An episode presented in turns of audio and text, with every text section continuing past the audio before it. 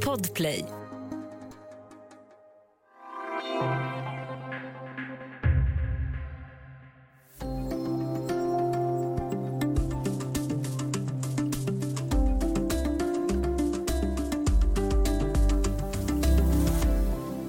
Ensamkommande afghanska ungdomar, svenskt biståndsarbete och militära utlandsinsatser. Ja, talibanernas maktövertagande i Afghanistan påverkar Sverige på många olika sätt. Hur kommer den nya situationen att förändra svensk politik? Välkommen till Studio DN med mig, Ylke Holago.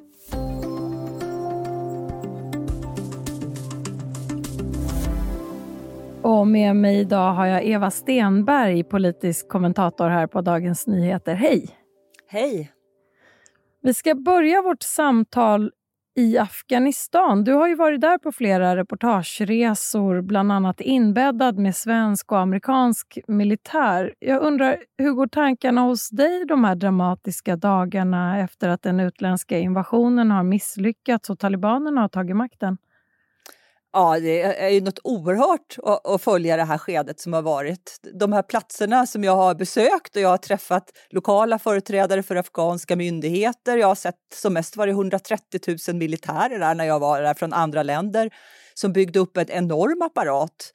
Och, och allt det här nä, nästan har, ser ut att ha fallit samman som ett korthus på bara en vecka. De här städerna som alla sa att det här är så stabilt, norra Afghanistan framför allt, är så stabilt och, och så föll det på, på några dagar nästan utan något motstånd. De här baserna Sverige byggde är det nu talibaner som använder. Vad gjorde starkast intryck på dig under resorna? Vad tänker du tillbaka på? Från min första resa minns jag starkt när vi åkte bil uppe i bergen i Hindukush och så plötsligt så började alla peka och titta ut genom rutan och när jag tittade där eh, så såg jag ingenting. Det såg ut precis som vanligt.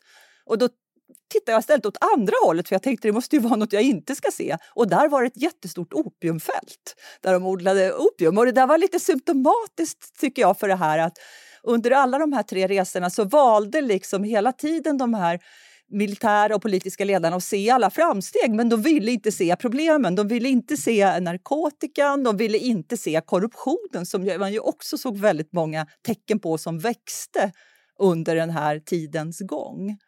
Sen minns jag ju skolflickorna som jag träffade i ett litet tält i en bergsby som hette Negara som jag ofta har tänkt på vad det blev av, som var så himla glada att de hade fått börja i skolan. För den vanliga skolan där gick ju bara pojkar, men nu hade de fått undervisning eh, där. Och eh, ett tredje minne från när jag var i östra Afghanistan var den här enorma basapparaten och träningen som skedde av afghanska poliser och även militärer där de tog fast kriminella eh, av olika slag.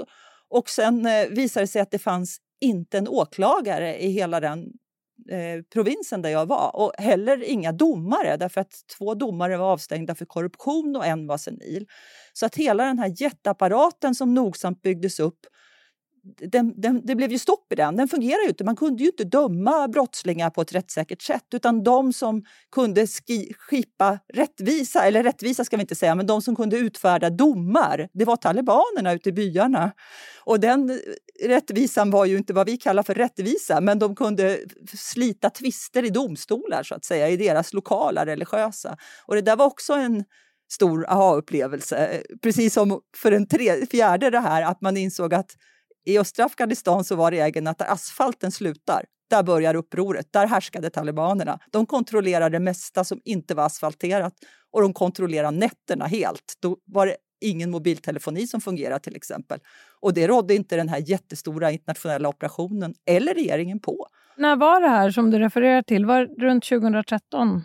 Jag var där första gången 2006 och sen var jag där 2011 och 2013. Och 2013 var det fortfarande så då att talibanerna kontrollerar mobilnäten och väldigt mycket av landsbygden. Och de här bergen jag kampade i 2006 och sov ute i tält på nätterna då, eh, tillsammans med svenska soldater. Där härjade då, eller härjade, men där verkade amerikanska specialförband och eh, IS och eh, eh, talibaner eh, som kontrollerade en stor del av de bergen. Så de här skolflickorna hade jag ingen chans att träffa igen 2013 när jag var tillbaka i området. Det som brukar kallas för kriget mot terrorismen var ju grundskälet till att USA och dess allierade, inklusive Sverige, gick in i Afghanistan efter 11 september-attacken i New York 2001. Vad kommer hända med de här antiterrorinsatserna nu, tror du?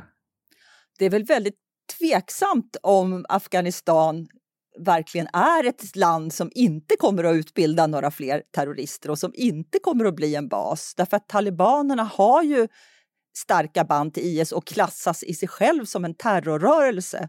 Så att den här 20 år långa militära insatsen där, den syftade ju från början till att slå undan baser för terrorister. Och nu väntar vi på facit. Lyckades den göra det? Kommer det här att bli en ny bas för terrorattentat i Nordamerika, i Europa, i, Asien, Afrika, på andra håll i världen utanför Afghanistan? Eh, och om det, om det inte har lyckats, ja då kommer ju... Nato har ju sagt att man är beredd att, att gå in, men då, det är ju betydligt svårare så att säga i ett land då som är talibanstyrt och som kontrollerar sitt territorium, sina gränser, sina flygplatser. I sådana fall får ju USA arbeta med det de i och för sig redan har gjort och gör i flera länder med drönare och, och den typen av verktyg då för att försöka komma åt terrorbaser i Afghanistan.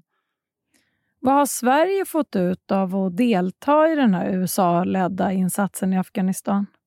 Ja, de målen som har handlat om att stabilisera Afghanistan och bygga ett bättre samhälle, många av dem har man ju inte lyckats uppfylla. Utan det man framför allt har fått ut är att man har haft ett fungerande militärt samarbete med Nato och med USA. Man har fått vara med på NATO-möten.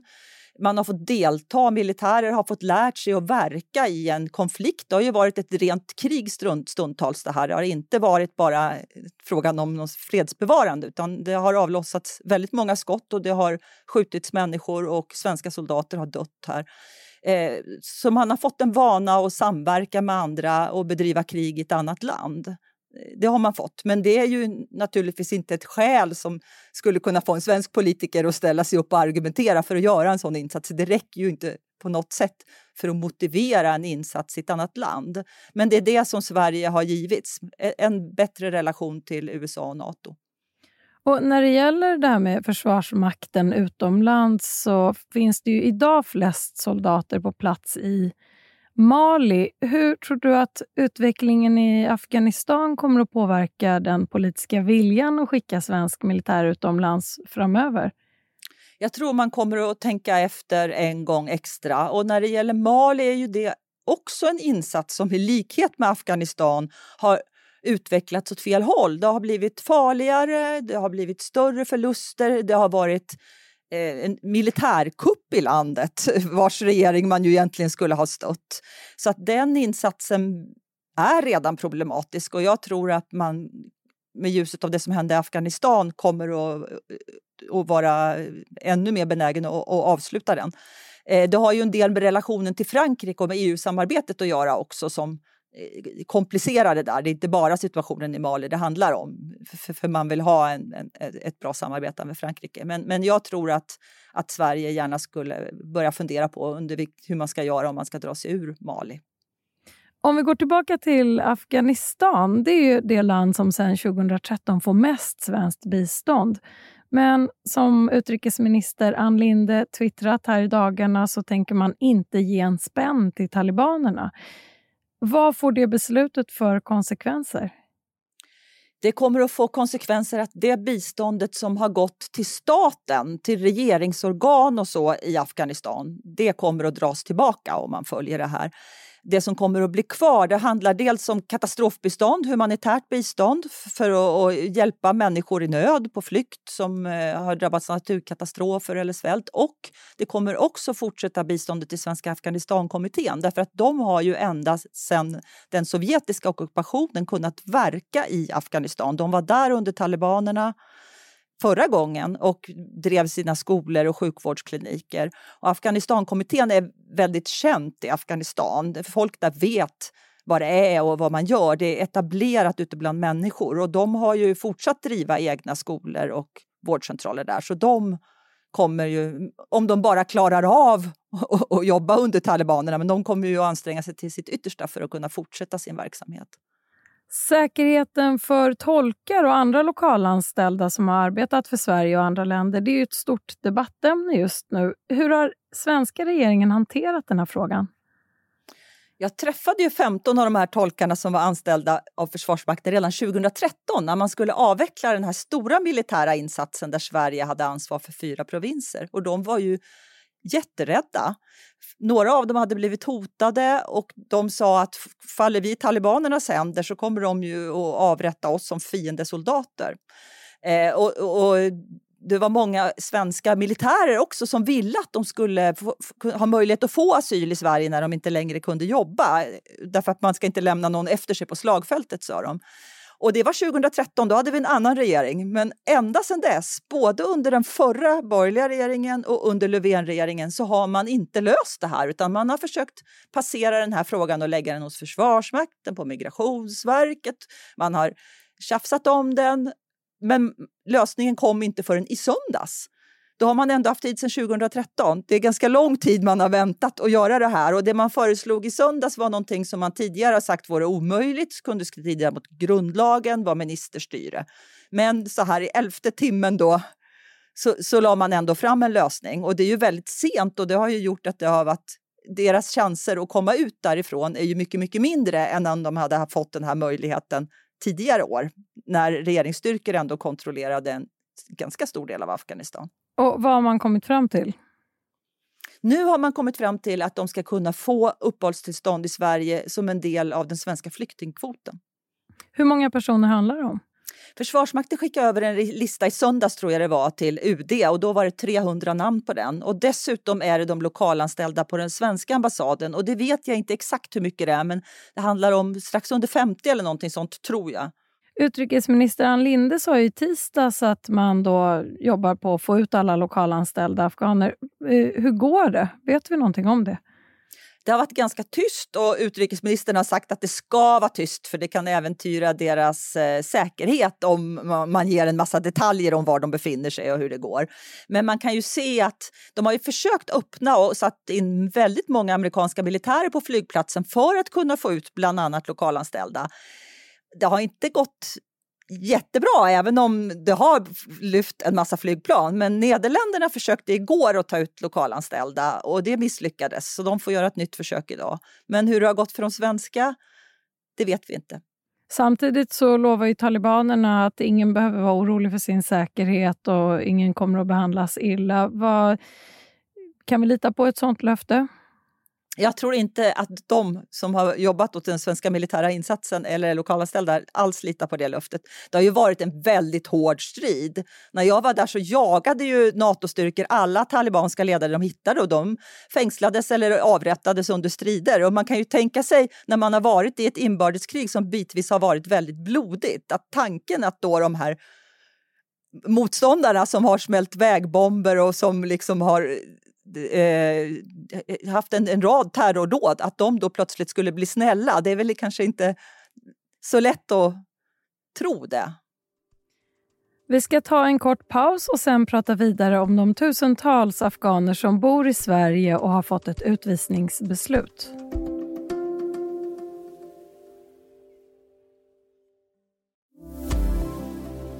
Du lyssnar på Studio DN där vi idag pratar med DNs politiska kommentator Eva Stenberg om hur situationen i Afghanistan påverkar svensk politik. Migrationsverket har ju tillfälligt stoppat utvisningen av ungefär 7 000 personer till Afghanistan och det här för att kunna utvärdera situationen i landet. Hur ser de partipolitiska positionerna ut i den här frågan? De håller på att formera sig nu. Det pågår en diskussion. Miljöpartiet har öppnat för en amnesti. Framförallt av de här ensamkommande som har hunnit etablera sig i Sverige och som nu då har en ännu farligare situation eventuellt när de, om de skulle åka tillbaka efter så här lång tid. Eh, och eh, Sverigedemokraterna är inte helt förvånande väldigt mycket emot det och talar istället om hjälp i närområdet och exakt hur de vill att den ska se ut, det vet jag inte. Men det kommer att bli en debatt om det här där alla partier kommer att, att visa sina kort och, och det har väl också att göra med Migrationsverkets bedömningar naturligtvis. Kommer man de facto skicka tillbaka några till Afghanistan som har sökt asyl? Kommer man att ändra sina bedömningar? För om det är så att Migrationsverket skulle byta den praxisen då blir det ju inte lika viktigt att göra en amnesti eller en lag så att säga. Eh, men jag tror att vi kommer att få se en stor debatt och det beror ju också lite på eh, om det blir någon massflykt från Afghanistan i det här läget eller inte. Och vad tror du, vågar du spekulera i vilket beslut man kan tänkas landa i när det gäller de här personerna? Ja, med tanke på hur debatten om migration och invandring har varit i Sverige de senaste åren så har jag svårt att tro att, att man skulle ha stöd i riksdagen för att göra en, en amnesti. Eh, men däremot så kan det ju de facto bli så att många får stanna därför att eh, asyllagen handlar ju om, om man har ett land som tillämpar eh, dödsstraff, eh, stympningar, piskning, stening. Det är inte ett land som man enligt det regelverk som redan finns eh, eh vill skicka folk till om de riskerar att drabbas av det här. Så att det kan ju bli en påverkan de facto utan att några lagar ändras.